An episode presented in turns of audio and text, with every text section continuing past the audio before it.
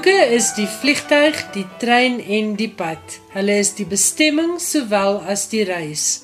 Boeke is 'n tuiste.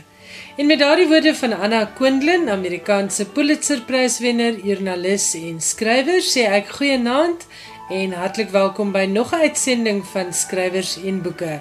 En vanaand kan jy verder luister na ons mini-reeks oor die 60ers en een van die belangrikste bydraers tot die Afrikaanse letterkunde Etienne Leroux kom aan die beurt.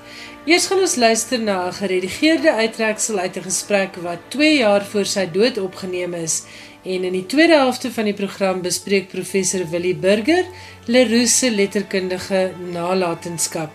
Johan Meiberg sluit oudergewoonte die program vir ons af. En vanaand is daar inligting oor die Dublin Prys, nuwe boeke en die Goethe Prys. Maar eers hier is Etienne Leroux. Die gesprek is op 14 Junie 1987, die dag na sy 65ste verjaarsdag uitgesaai in die program Kuiergas Keuse. Die onderhoudvoerder was Willem Botha. Geniet dit. 'n Mens beskik nou reeds oor genoeg van die historiese perspektief om sonder vrees vir teenspraak te kan bevind dat Etienne Leroux, Stefanus Petrus Daniel Leroux, gebore op 13 Junie 1922 die grootste prosaïs is wat Afrikaans tot dusver opgelewer het. Hieroor spreek die lofuitinge deur vooraanstaande plaaslike en oorseese kritici. Die merkwaardige kwalitatiewe lyn van selfvernuwende siklus, die herhaalde verowering van Hertzog en CNA-pryse en so meer. Goeiemôre en baie welkom by Kuiergas Keuse. Daardie aanhaling kom uit 'n perspektief en profiel geskryf deur Charles Malang wat gereken word as die kenner op die gebied van die werk van Etienne Leroux. Maar dit is omtrent die enigste literêre aanhaling wat ons gaan gebruik in vanoggend se program wanneer ons gesels met uh, die skrywer Hertzog Pryswenner, CNA Pryswenner, ere doktorsgrade ontvang aan die Universiteite van Natal en die Vrystaat en so meer en so meer want ons wil op 'n menslike noot kontak maak met Etienne Leroux, Steven Leroux soos hy by sy vriende bekend is. Meneer Leroux, goeiemôre, baie welkom by Kuiergaskeuse vanmôre. Goeiemôre Willem. Nou gister was u verjaardag, 13 Junie, 65 jaar gelede gebore. En uh, dan is daar nou mense wat so half filosofies wil raak en sê ek leef vir elke dag, vir die volgende dag, want daar is nog so baie wat ek wil doen. Wou u 65 jaar oud word? Nee, nee, helemaal ek wil minstens uh, 70 jaar Huh? geworden. Je weet, die scoren 10. O oh, ja. Maar die is daar met die nieuwe technieken en zo. Zal ik misschien 75 halen of zo. Oh. Zo om elke dag te tellen gaan een beetje lang gaan. Het u nog baie om te doen? Na volgende dag, die uh, môre en oormôre nog baie om te doen.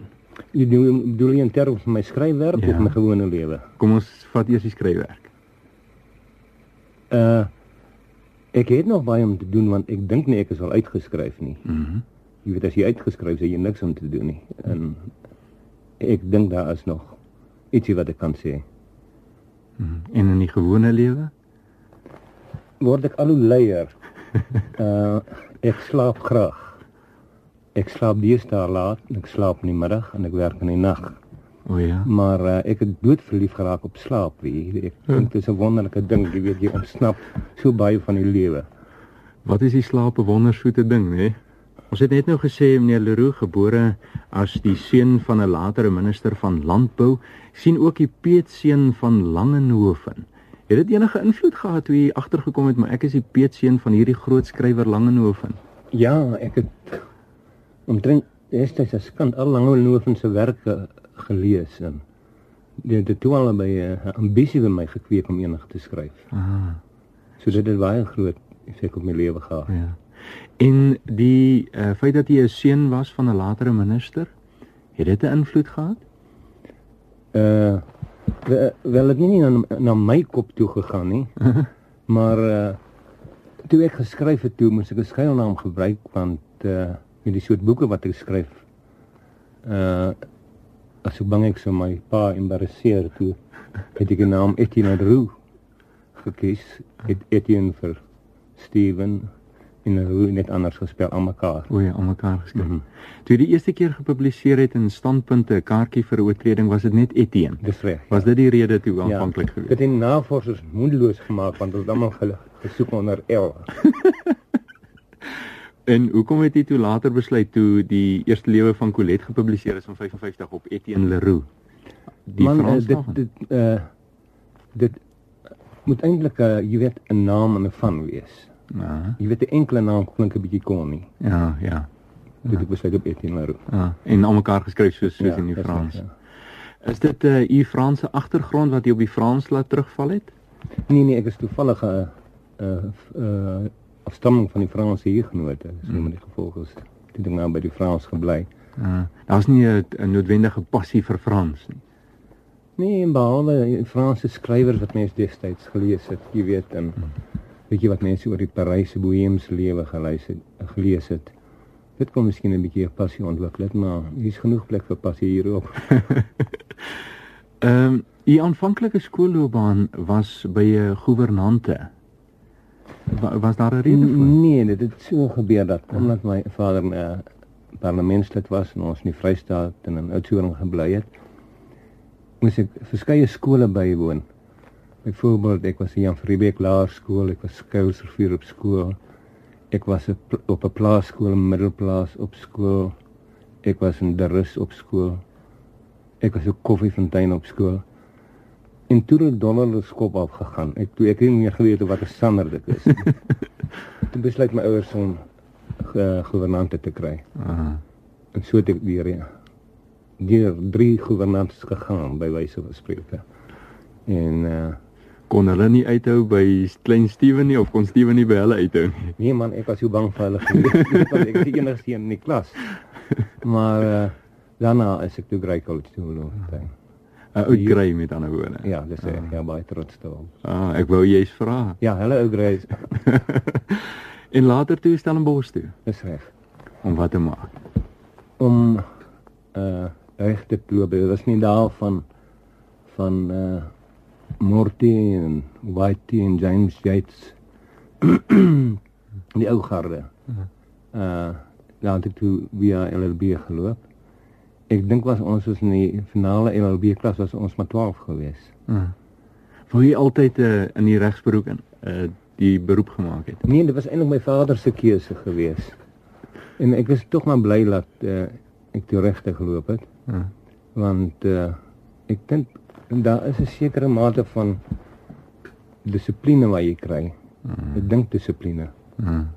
as jy so kursus wil toe. Ek wil terugkom tot daardie prokureurstydperk. Uh na LLB op Stellenbosch, toe kom jy Bloemfontein toe en word 'n prokureursklerk. Nou selfs vir my eet op 'n kol het hy gesê, ehm um, ek was nou nie jy's uitgeknip vir die prokureurs uh, beroep nie. Ek was eintlik maar 'n stupid prokureur. ek was stupid. Hoe weet ek hoe Hoe- stupid was? ja, asseblief. Uh op 'n stadium het my baas my gesê, kyk hier is hierdie uh, dokumente en daar en daar en daar. Vat dit nou, dan gaan jy oor na die akteskantoor toe. En daar sal jy 'n groot uh, iets soos 'n briewebus sien, Ja. tamelik breed. En uh sit jy die dokumente daaraan. Ek gaan toe met die hele pak dokumente en ek gooi alles daarin. Ek nooit daaraan gedink om dit koevert te sit. Dit het vir weke geskil om dit goed uitgesorteer te kry. sien? Daarom. En daardie check wat jy laat wegraak het destyds. O ja, ek was op pad weer met 'n leer met dokumente waar daar 'n groot check was en op pad na die plek waarna toe ek moes gaan, kom ek af op 'n motorongeluk by een van hierdie bruggies vir die spruit Ja. en ek staan toe kyk hoe die polisie opmetings doen. En toe hulle klaar is, toe stap ek aan na my plek van bestemming, toe vind ek uit ek het nie die leer met die check nie. Ek hardloop toe onmiddellik terug. En daar gelukkig hier op die reëling is hierdie leer net wieg so heen en weer in die wind. Is dit toe dat u besluit het maar die regsberoep is nie vir my nie of het hulle vir u besluit kyk hierdie hierdie ou moet asseblief net nie 'n prokureur of iets word nie. Ek ek dink op 'n manier dat hulle dit vir my af gesuggereer. Ek weet nou meer is hulle van minderwaardige werk gegee. Uh, jy besluit nie maar kyk hierdie hierso wil ek nie Ja, langer bly. ja, die boodskappe tuis. Is dit toe in 46 dat jy besluit het maar ek moet nou maar dan gaan maar gaan boer. Was dit in 46? 46 al. O, ek weet beter. Na die plaas Janee, is dit die familieplaas? nee, nee, nee, nee, dis nie familieplaas nie. Die plaas is eintlik uh, Laagmakersdrif. Aha. En ek het daar geboer. En toe was ek stoksiel alleen daar in die huis gebly. En toevallig ook in 'n droogte boer, amper so droog as daar nou was. En daar het ek toe kans om baie te lees. Ek het 'n groot uh, boekversameling en ek toe ingeteken op verskeie literêre tydskrifte en dit is toe eintlik dat my belangstelling in die letterkunde plaasgevind het. Ek wil net nou daarna toe terugkom, net so oomblik nog by die boerdery. Jy het net nou gesê uh, jy moes prokureur word omdat die pa dit wou gehad het. Het hy gesê jy moet nou gaan boer ook? Man, ja, jy weet ek is die enigste seun, hy sit in die parlement en daar lê die plaas. Dit was 'n ontrente logiese gevolg wat Uh, ek maar so intoe sou gaan. uh. Aangesien ek uh, stupid prokureur was. Was jy 'n stupid boer toe ook? In die begin ja, ek het 300 skape doodgemaak omdat ek hulle behandel het met beeste. Maar Maar later links het ek geleer, het ek uh, geleer ja. Geluister na die ander boere, hulle gee gewoonlik met opset vir jou verkeerde raad. Maar nou het ek net so slim soos hulle geword geweet wanneer hulle die regte raad vir my gee en so. Toe geleer boer. en vandag is jy nog steeds op die plaas? Ja, ja. Geniet jy dit? Is dit lekker daar by plaas? Dis lekker ja. My seun boer nou, maar ek doen nog inspeksies. Wel ja, eh, Bakkie is my tweede woning. O ja. Die naam Janee dink ek nou net aan. Is dit 'n bepaalde naam? Het wat jy Kyk, die plek, die plek se naam is eintlik Geluksdam. Hmm. Maar toe ons die ons destyds die huisnaam Janie gegee en niemand kon onthou wie jy daaraan gedink het nie. Ek het 'n vermoede dat dit uh Jan Greshoff was, die Hollandse digter wat destyds O ja. dikwels by my kom kuier het. Uh. En want dit is so tipies Afrikaans. Jy kan Janie eintlik nie vertaal nie. Voordat ons plaas toe gaan en begin met die skrywersloopbaan, is daar 'n ander interessante ding wat blykbaar hier in Bloemfontein gebeur het. U kennismaking met van alle dinge ducktails, eendsterte. Vertel 'n bietjie daarvan hoe het dit gebeur? Ja, dis eintlik uh my kennismaking met eenster was in die Kaap en in Bloemfontein gewees. Uh. En uh Pieter Verriet my baie uh, my baie uh, van die terme wat hulle gebruik het geleer en van wat hulle doen en so. En hier was 'n sekere kafee en 'n sekere hotel ook waar hulle bymekaar gekom het. Ja. En ek het dan aan so intoe gegaan en gesit en luister, maar jy moet baie versigtig wees. Jy moenie na hulle kyk nie. Ja. En as hulle na jou kyk, moet jy nie terugkyk nie. En dan sit ek maar so en dan gooi hulle my met vuurtjies, jy weet, wat vas het aan my baard. En nou lyk my borstel sit tot hulle gewone gang gang. En so het ek sekere terme opgetel Uh. en gehoor wat hulle praat. Ja. En het jy dalk van hierdie terme later in die werk kon gebruik? Ja, ek inderdaad, ja. Ah ja. Is dit die die Mugu? Die Mugu is een van hulle, ja. Dis die plaas toe. En eh, daar, ek dink dit is iets soos 'n periode van 6 jaar wat verloop het vandat jy by die plaas aangekom het voordat 'n uh, kaartjie vir 'n oortreding in standpunte verskyn het. Het dit in daai tyd het jy begin het- dink aan skryf? Ja, ek het in daardie tyd geskryf, maar ek kon in geen tydskrif 'n plekkie kry nie. Uh, En uh met die behulp van van Greshoff. Hmm. Dis wat dit kaartjie vir oortreding, Dis reg, ja. En dit in standpunte verskyn. Dit Ah. is die eerste dit wat eintlik vir my verskyn het. Behalwe jy weet dan studente tydskrifte.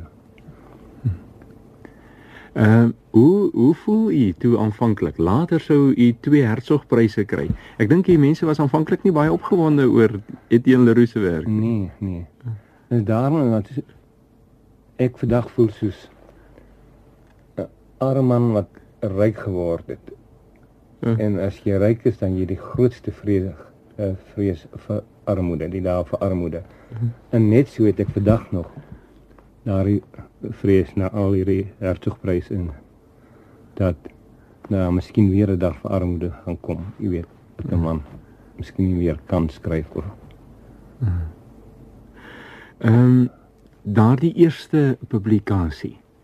Dit dit maak seker maar die hart 'n bietjie warm, is dit nie? Dis Wat een is dit nou? eh, standpunte. Ons een stand van van een ja, ons het spesiaal het ons destyds die parlementshuis gaan eet saam met ek, ek dink dit was Opperman en Greshoff, my vader en ek met daai eh, eksemplaar van standpunt waar almal geteken het. En, en ek dink Opperman het ek van nie eintlik gedink dit is so wonderlik nie, maar terwyl ons sy ou pelgrim op gedoen toe maar uh, verskyn, maar ek was baie trots daarop geweest en jy weet veral om te debuteer in 'n blad so standpunt. Ja.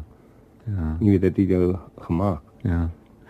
Ehm um, en later die latere werk, eh, die eerste lewe van Colette, die debuut roman is ook 'n paar jaar later, 4 4 jaar later, het dit verskyn. Het jy toe al in daardie rigting begine dink? Van ek sal die gewete van hierdie volk begin word, die satirikus wat hy later geword het. Nee, toe nie, toe nie uh uh ek ek was seker toe al 'n bietjie remoerig geweest, maar daardie ding is daardie boek is geskryf en hoe lank daarna is hy gepubliseer? 4 4 jaar, 55 eers. Ja, maar ek kon nie uitgewer gekry het nie. O. Oh, uh. En uh ons het ons sit en baie gesukkel. Maar ek dink dit was meer soort van jeugherinnering geweest. Hmm. En weet watter bymotiewe gehad het, kan ek nie onthou nie, dit is al baie jare gelede. 30 jaar, meer as 30, 3, 4, 35 jaar. Kan jy 30 jaar terugdink of was jy nog ongebore? Ja, toe was ek dan so 3 jaar.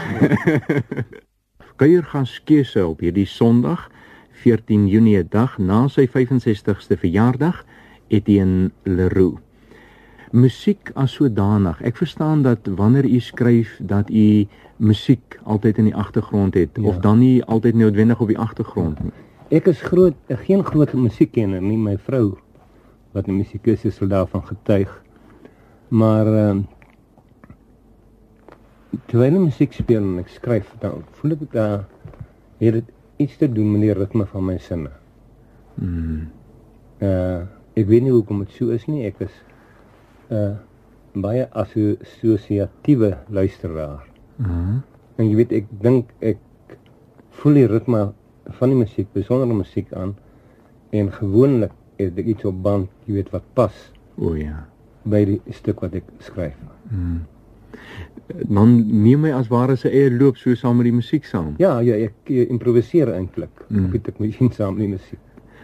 Is daar bepaalde komponiste wat jy dan aan voorkeur gee?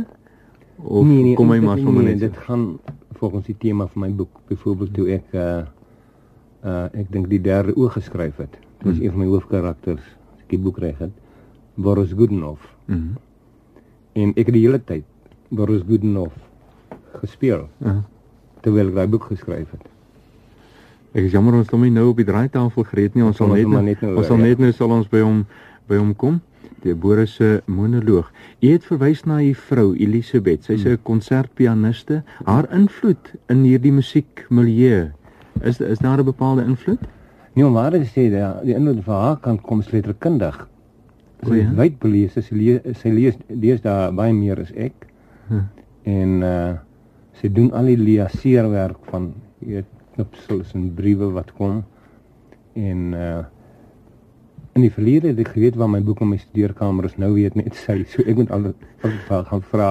Ja. Waar so boek of so 'n brief of wat ek al. Ja. So haar musiek invloed is minimaal dan. Of nie Nee, noodwendig nie? selfs tog dikwels met haar, jy weet dan as ek weet byvoorbeeld wat is 'n fuga of so iets of dan is- eh, eh, kan dit sê vir my verduidelik. Mm. En maar is lekker om iemand te hê wat daai musiekkennis het. So sy het 'n groot rol gespeel in die Viga van die geestelike herbewapening die die Nee, hoofstuk in dit was- 7 dan. Nee, dit was voor ons getroud was. O. Dit ek vir Dirkie Vliee een keer gevra kort na haar trou of iets. Ja. Wat is 'n fuga? Ja. Toe het hy met stomme verbaas aan gekyk en my het dit vir my verduidelik. Ja. En toe het ek een hoofstuk dink ek en ek dink as in Silverstein. Sewe dae ja. Ja. Ja. Ek uh, ek- het ek geskryf gebaseer op die reëls van die fuga. O ja. Mense wat weet en nou weet ek self nie baie van musiek af nie, uh sê dat hierdie siklusse waarin u skryf, dit is nou al by die 4de een wat ons trek is uh is alles op hierdie musiek gebaseer. Siklusse in musiek soos by Wagner byvoorbeeld. Is dit so? Is dit doelbewus so of gebeur dit maar Nee, net? doelbewus so nie, maar 'n interessante teorie daarin. Mm. Ek kan dit self oorweeg wie. Soos geen doelbewuste doelbewuste poging. Min van my goed wat ek uh, doen is werklik doelbewus. Uh Nee, ek nee dan nou nou lieg ek. Dit is nie waar nie. Uh, want ek is 'n gentleman en 'n gentleman is doelbewus beledigend. doelbewus. Ja. So uh, miskien bedoel ek miskien bedoel ek miskien is ek soms 'n gentleman, miskien soms nie. Ja. Ek wou vra 'n ander ding van wat jy sê, dis 'n interessante ding mense kan dalk daaroor gesels. As ehm um, letterkundiges en kritici en die mense oor hier praat, soos gister byvoorbeeld hmm. by hierdie seminaar. Ja. Dink jy nie baie keer Ja, ek het dit nooit gesê nie of ek het dit nooit bedoel nie, maar as hulle dit wil sien, moet hulle dit nou maar sien. Moet moet ek my geheim nou weg gee?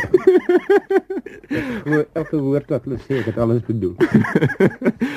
Goed, ek dink op hierdie uh, noot moet ons weer 'n bietjie musiek maak. Dis nou weer die heeltemal ander kant van gesonke kathedraal na Hades Night van die Beatles. Hmm.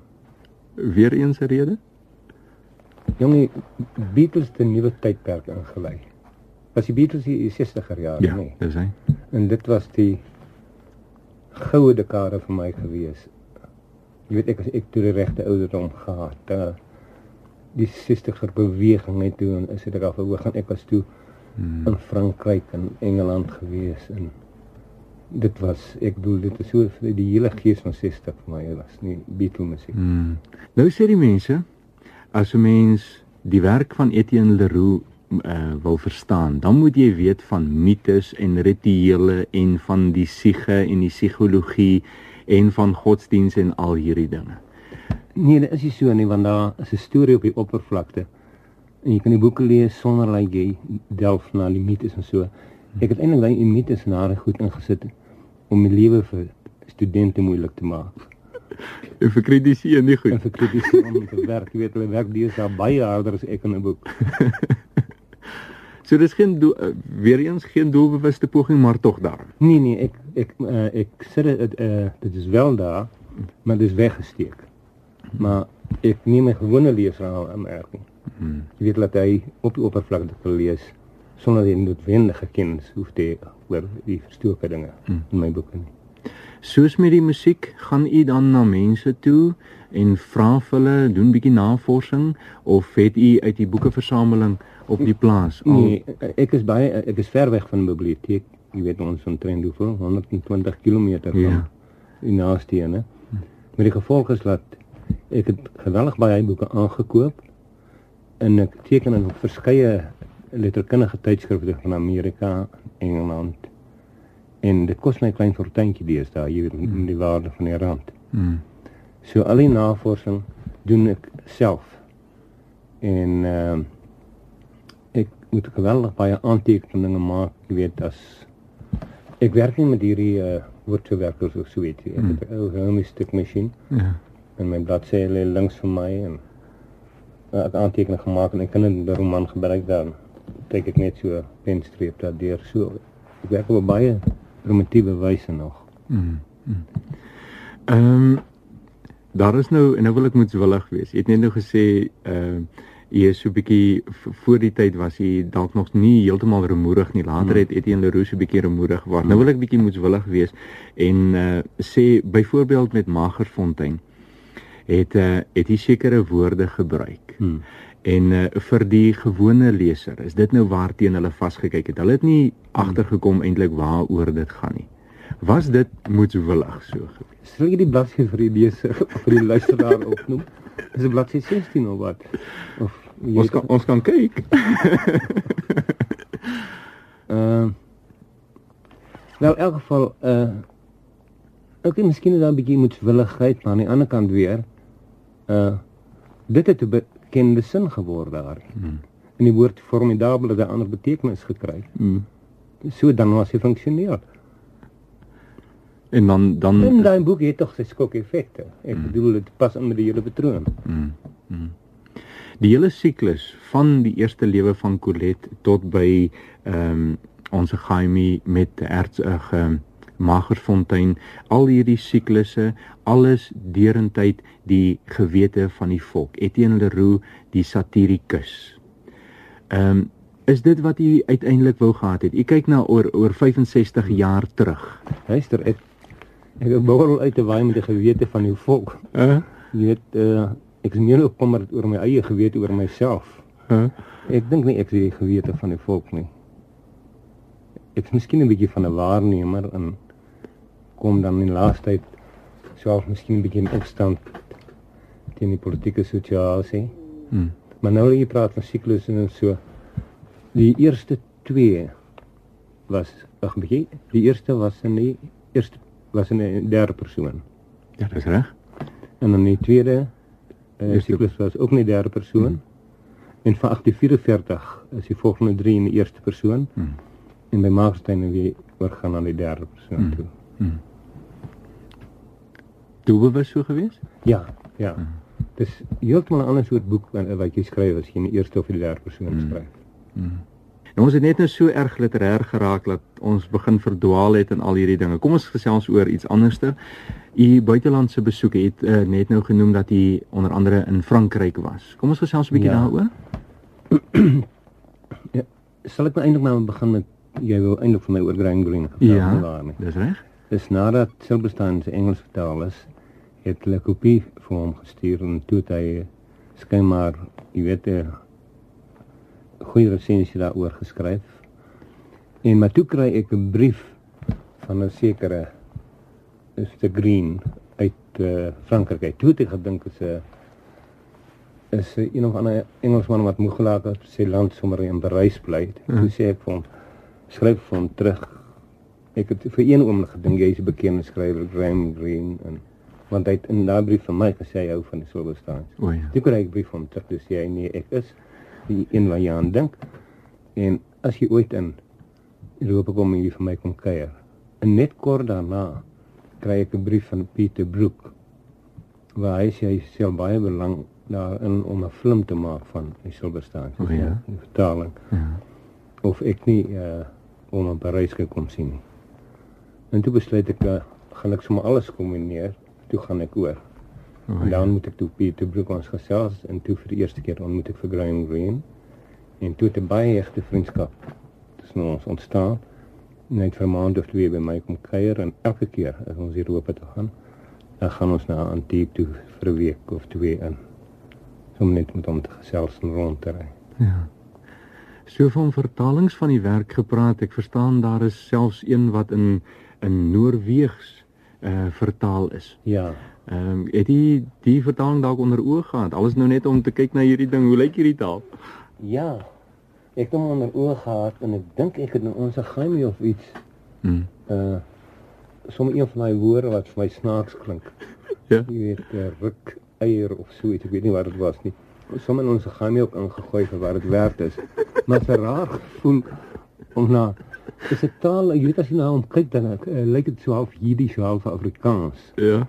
Maar uh, ek kan natuurlik die woord verstaan.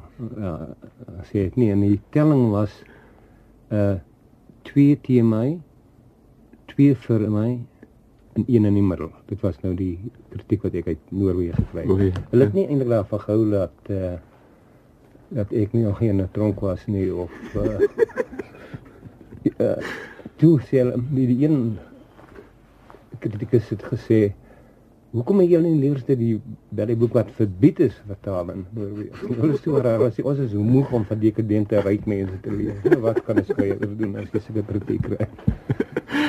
Uh en dit het sekerlik daai woord, daai Noorweegse woord het nou weer ander uh ja, dieper nuanserings en so. Nee nee nee, almal is geskep. Nee, dit is iets uh, so 'n ryke godseier of so iets uh. wat 'n ryk man beteken dink ek.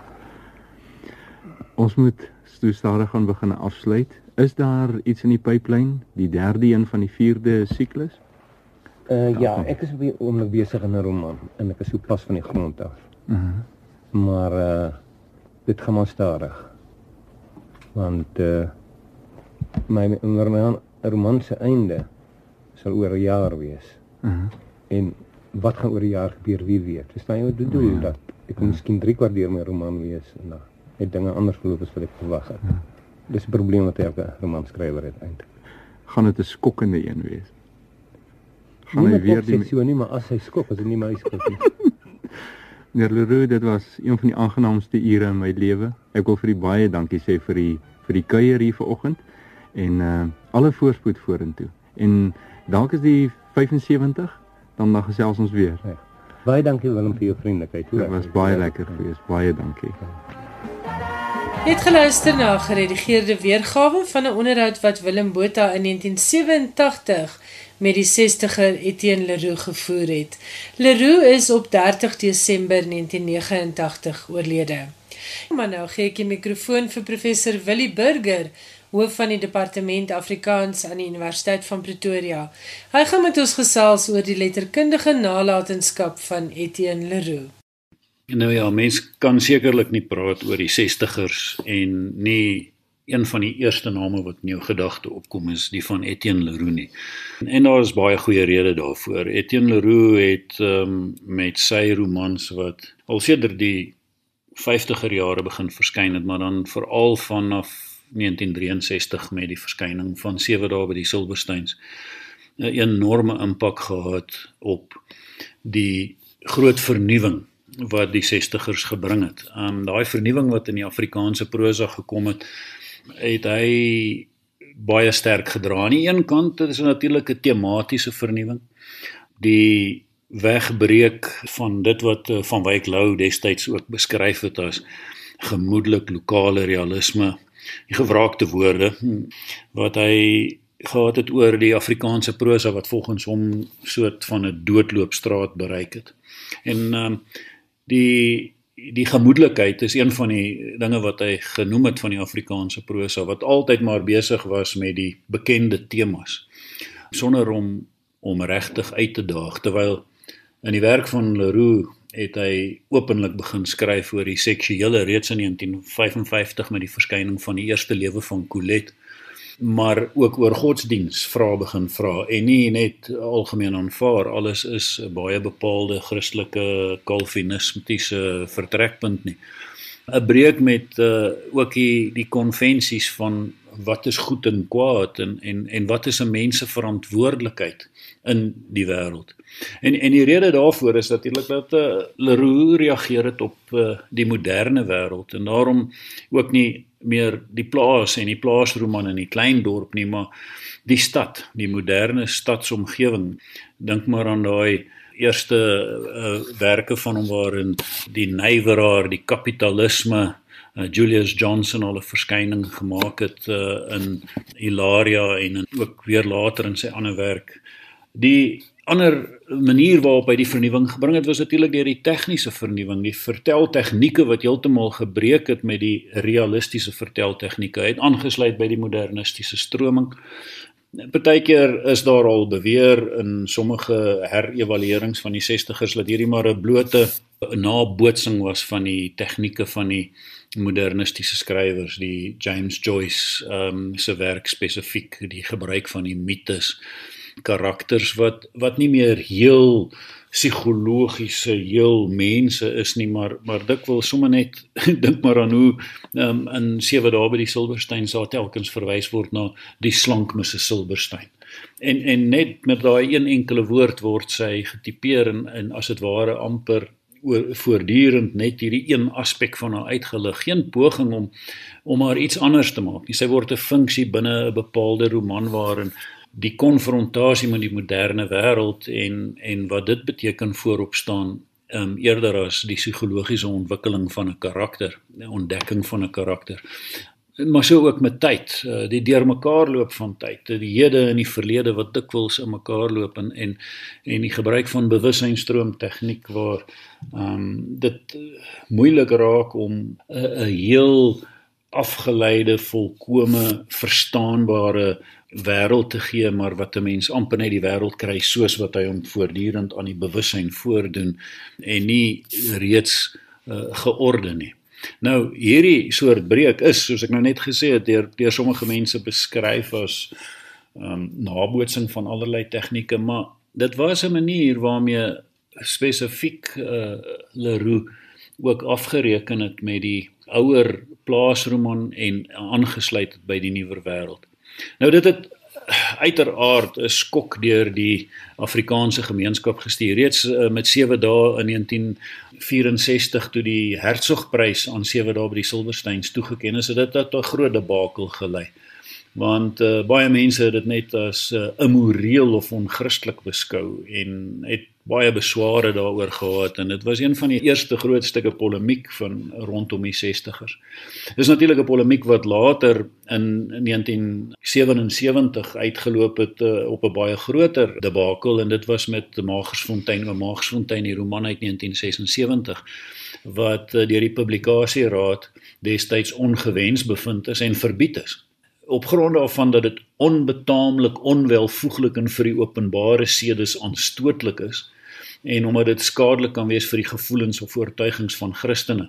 En en en ek dink as mense vandag daarna kyk, ek sien altyd as ek vir my studente hierdie soort uh aanhalings gee uit die uit die uit die publikasieraad se se verbod of die veldtogte wat deur aksie morele standaarde en ander beswaarmakers destyds geloods is dan dan skud my studente hulle koppe en ongelooflik. Kan nie dink nie dit is dit het regtig ondenkbaar geword maar destyds het dit 'n groot um, skokgolf deur alles gestuur juis oor hierdie onbetaamlikheid Nou is dit net uit hierdie hoek dat die 60ers verniemend sou wees net omdat hulle geskok het of omdat hulle oor seks en oor politiek en oor godsdiens op ander maniere geskryf het as as voorheen nee nee ek dink eh, glad nie.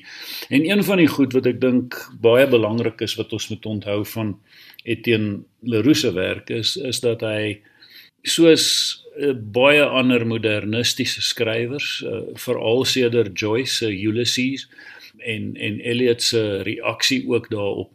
Ehm um, dat hy aangesluit het by die idee van die mite. En ek dink hy het reeds op uh, in 1960 het hy 'n lesing by die Stellenbosse studiekring gelewer met die titel Die mens en veral die skrywer op soek na die lewende mite. En daar het 'n geweldige invloedryke uh publikasie geword later die die opstel waar hy uh, veral na aanleiding van die psigoanalis uh, Jung se werk gaan kyk het na ehm um, 'n soektog na die kollektiewe onbewuste en die waarheid wat daaruit voortkom.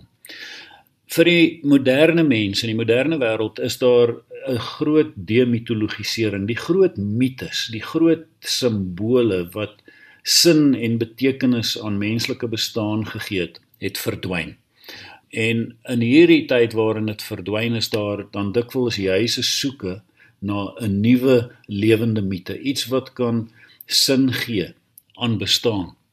Nou aan die een kant is dit interessant dat die modernistiese skrywers dikwels mites gebruik het. En dit is waarop Eliot gewys het toe hy uh, Ulysses geresenseer het van James Joyce. Het hy gesê al een van die goed hierso en dit is iets wat ander skrywers gerus kan nadoen is om mites te gebruik as 'n strukturerende uh, middel in hulle romans. Kyk, as jy die realistiese romanse uh idees oor psigologies gevulde karakters aan die een kant laat verlore gaan. As jy tyd uh, deurmekaar laat loop as ruimte nie meer so 'n duidelik onderskeidbare aspek is nie en as verhaal self nie meer voorop staan nie 'n realistiese verhaal nie meer noodwendige gegewe is nie. Wat struktureer die roman? En en dis wat Joyce die die die mite gebruik het en dis wat ook gebeur het in Leroux se werk. Reeds van um sy tweede roman Hilaria of waar hy gebruik gemaak het van mites uh, in navolging van Joyce. Uh, die Mugu is eintlik 'n roman, sy derde roman wat Edelhard volg op 'n dag deur Kaapstad, soos wat in in Ulysses die, die hele dag deur Dublin um gebeur hy hy het natuurlik die mite verder nog baie meer gebruik ook in in die res van sy werk. Ek dink aan daai derde siklus 1844 en Nava waar hy byvoorbeeld gaan kyk het na mites uit die Germaanse mitologie in 1844 of uit die um, Indiese mitologie in in Nava of in Isis Isis Isis uit die Egiptiese mitologie. Maar die mites word uiteindelik iets in in daai soort modernistiese werk was dit 'n poging om te kyk of of daar meer is as net 'n struktureringsmiddel uh, was dit ook 'n uh, 'n soeke na nuwe simbole, 'n uh, nuwe mite. En uiteindelik het die beskouing van die van die roman geword eintlik as 'n soort nuwe mite wat deur 'n soort profeet um vir ons gebied word om 'n greep te kry via die kunswerk self op ons moderne wêreld sodat ons dit kan verstaan. Die invloed van Leroux is enorm tot vandag toe. Ek het uh, pas gesit en lees in Jaco Fouché se jongste roman Aanspreeklikheid en dit is duidelik 'n roman wat sterk beïnvloed is deur Leroux. Natuurlik word voortdurend verwys na die groot invloed wat Leroux gehad het op iemand soos Ingrid Winterbag, maar verder dwars deur die Afrikaanse prosa het hy 'n baie groot invloed, dis so groot skaduwee wat uh, oor al die skrywers val. En en ek dink ons sit juist daarom in Leroux, een van die belangrikste 60er figure. Baie dankie professor Willie Burger. En hier is Johan Meiberg om vir ons die program af te sluit. Hy gesels onder andere oor die Dublin Prys, asook nuwe boeke wat binnekort uitgereik word en daar's ook 'n kort onderhoud met die skrywer Ian McEwen. Met inperkingsmaatreëls wat gaandeweg dalk nie meer so streng geld nie, En met die aantoeg van die noordelike herfs het uitgewers die uitdrukking van 'n hele klompie romans aangekondig. 'n Hele aantal boeke wat al moes verskyn het is as gevolg van die koronaviruspandemie nou eers op die publikasielys. Van die Amerikaanse skrywer Marilyn Robinson verskyn Jack, die vierde roman as 'n voortsetting van die gebeure wat sy beskryf het in Gilead wat in 2004 verskyn het. Met Gilead het sy die Pulitzerprys vir fiksie verower. Na Gilead het gevolg Home in 2008 en Lila in 2014. In Jack keer die verlore seun van Gilead se presbiteriaanse predikant terug, maar met Della Miles, die liefde van sy lewe. Aan die hand van die verhouding wat heelwat teenstand kry, delf Robinson in die Amerikaanse geskiedenis en verken sy rasseverhoudinge en sosiale geregtigheid. Van die Chinese-Amerikaanse skrywer Yiyun Li verskyn by Hamish Hamilton Must I Go, haar vierde roman na The Vagrants, haar debuut in 2009. In 'n Kaliforniese ouetehuis word 'n kursus in memoir skryf vir die inwoners aangebied. Die 81-jarige Lilia is egter nie opgetrek met die idee nie. Net nog 'n broeikas vir eiers wat nooit as te nimmer sal uitbroei nie, is haar mening oor die kursus. Die lewe is nie 'n legkaart met stukke wat pas nie, hou sy vol. If someone broke your heart, you could still gather the pieces and glue them back or leave them scattered around, evidence of what was once your heart. But Lucy's trick was to make the heart disappear. Haar dogter Lucy het op 27 selfmoord gepleeg en as Lilia oor Lucy moes skryf, sou haar woorde self nog meer dood as Lucy moet wees, dink sy. Het woorde die vermoë om 'n mens te bewaar en te laat oorleef. Soos net Yun Lee dit kan doen, swerf sy in Must I Go tussen die pole van tot stilstand kom en aangaan van verlies en hergeboorte die kompasnaalde van 'n mens se hart. Rose Tremaine, die Britse skrywer wat die Orange Prys in 2008 verower het met The Road Home en wat in 1989 met Restoration op die kortlys van die Booker was, het 'n nuwe roman wat by Chatto verskyn. Islands of Mercy speel af in die 19de eeu in Bath en Borneo 'n goeie draaie in Parys en Dublin. Dis kolonialisme, selfdeterminasie en die aard van begeerte wat die onderbou van die nuwe roman vorm. Ek het die roman in 2018 begin skryf, sê Don DeLillo oor The Silence wat volgende maand by Picador verskyn, lank voor die huidige pandemie. Dit het alles begin met 'n idee van leë strate in Manhattan, sê hy. Maar dis 'n ander soort katastrofe wat De Lillo beskryf. Die boek speel af in 2022 en iets gebeur wat die digitale koneksies wat ons lewens begin beheer tot 'n einde laat kom. Wat volg is 'n besinning oor wat presies dit is wat ons menslik maak. De Lillo is nie iemand wat terugduins vir gevaar nie, Dis juis aan die lewe in gevaarlike tye waarin De Lillo uiting gee in sy skryfwerk.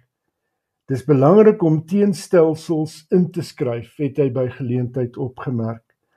Dis belangrik om teen mag, teen korporasies en teen die staat in te skryf. Aan die ligterkant bied Jonathan Coe ontsnapping met sy nuwe roman Mr Wilder and Me wat in November by Viking verskyn. Die verhaal van 'n jong vrou wat in die somer van 1977 op 'n Griekse eiland vir 'n Hollywood-regisseur werk. In William Boyd se trio wat volgende maand ook by Viking verskyn. Dit gaan wel 'n paar somers verder terug, die van 1968. En soos die titel aandui, gaan dit oor 'n liefdesdriehoek.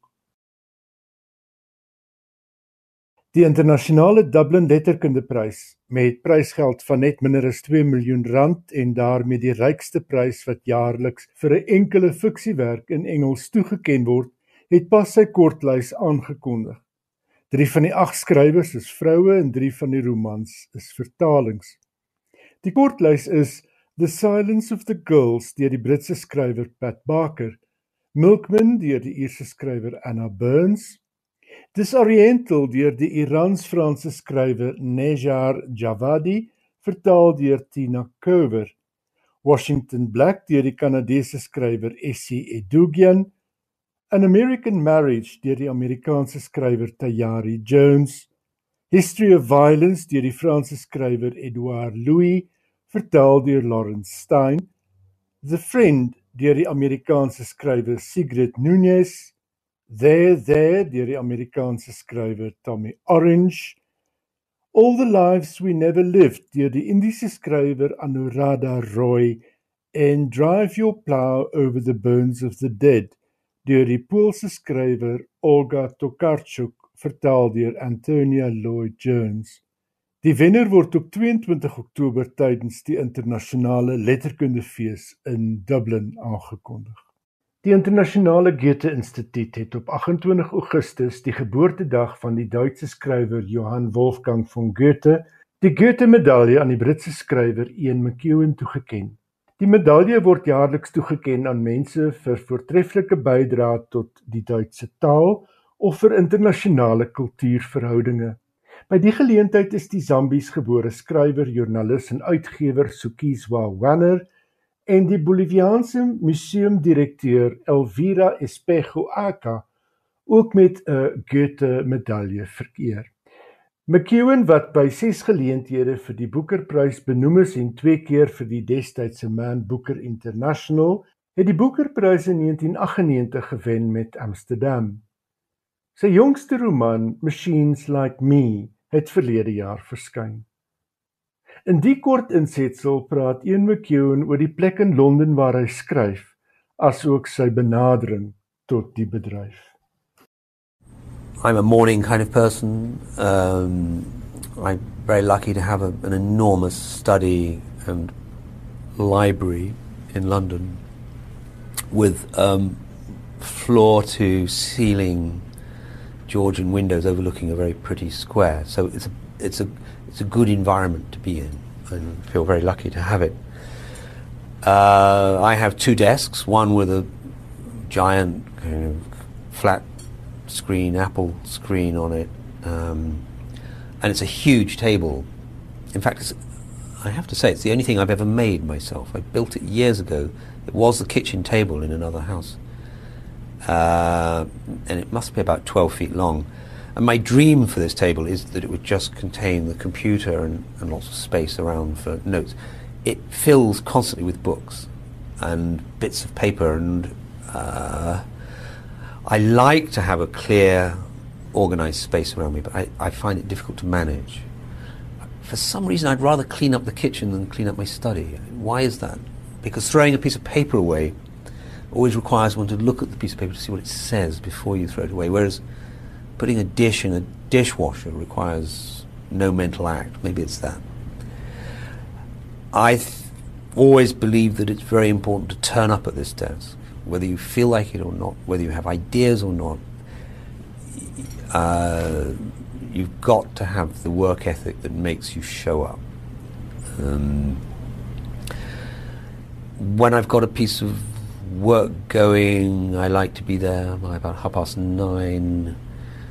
It's very important to close off all those avenues to the outside world, like the internet, the email, the telephone. So I switch all those things off um, and try and get um, a solid bit of work done before lunchtime. And a solid bit of work for me would be somewhere between five and eight hundred words. And I'd feel happy then if I'd got that down.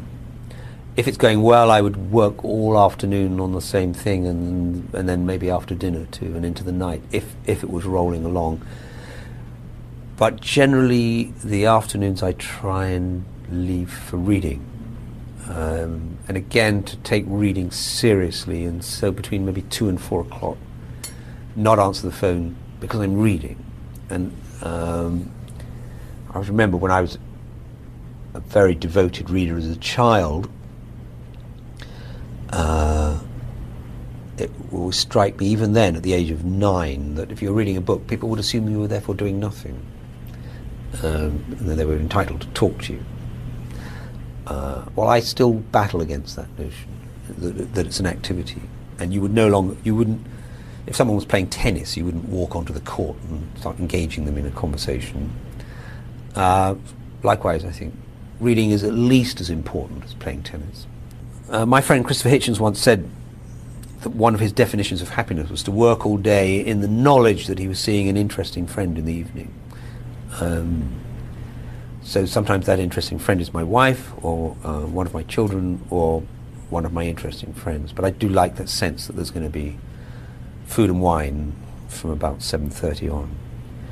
Uh, if it fits, I'll go back after dinner, um, maybe to look at the day's work again.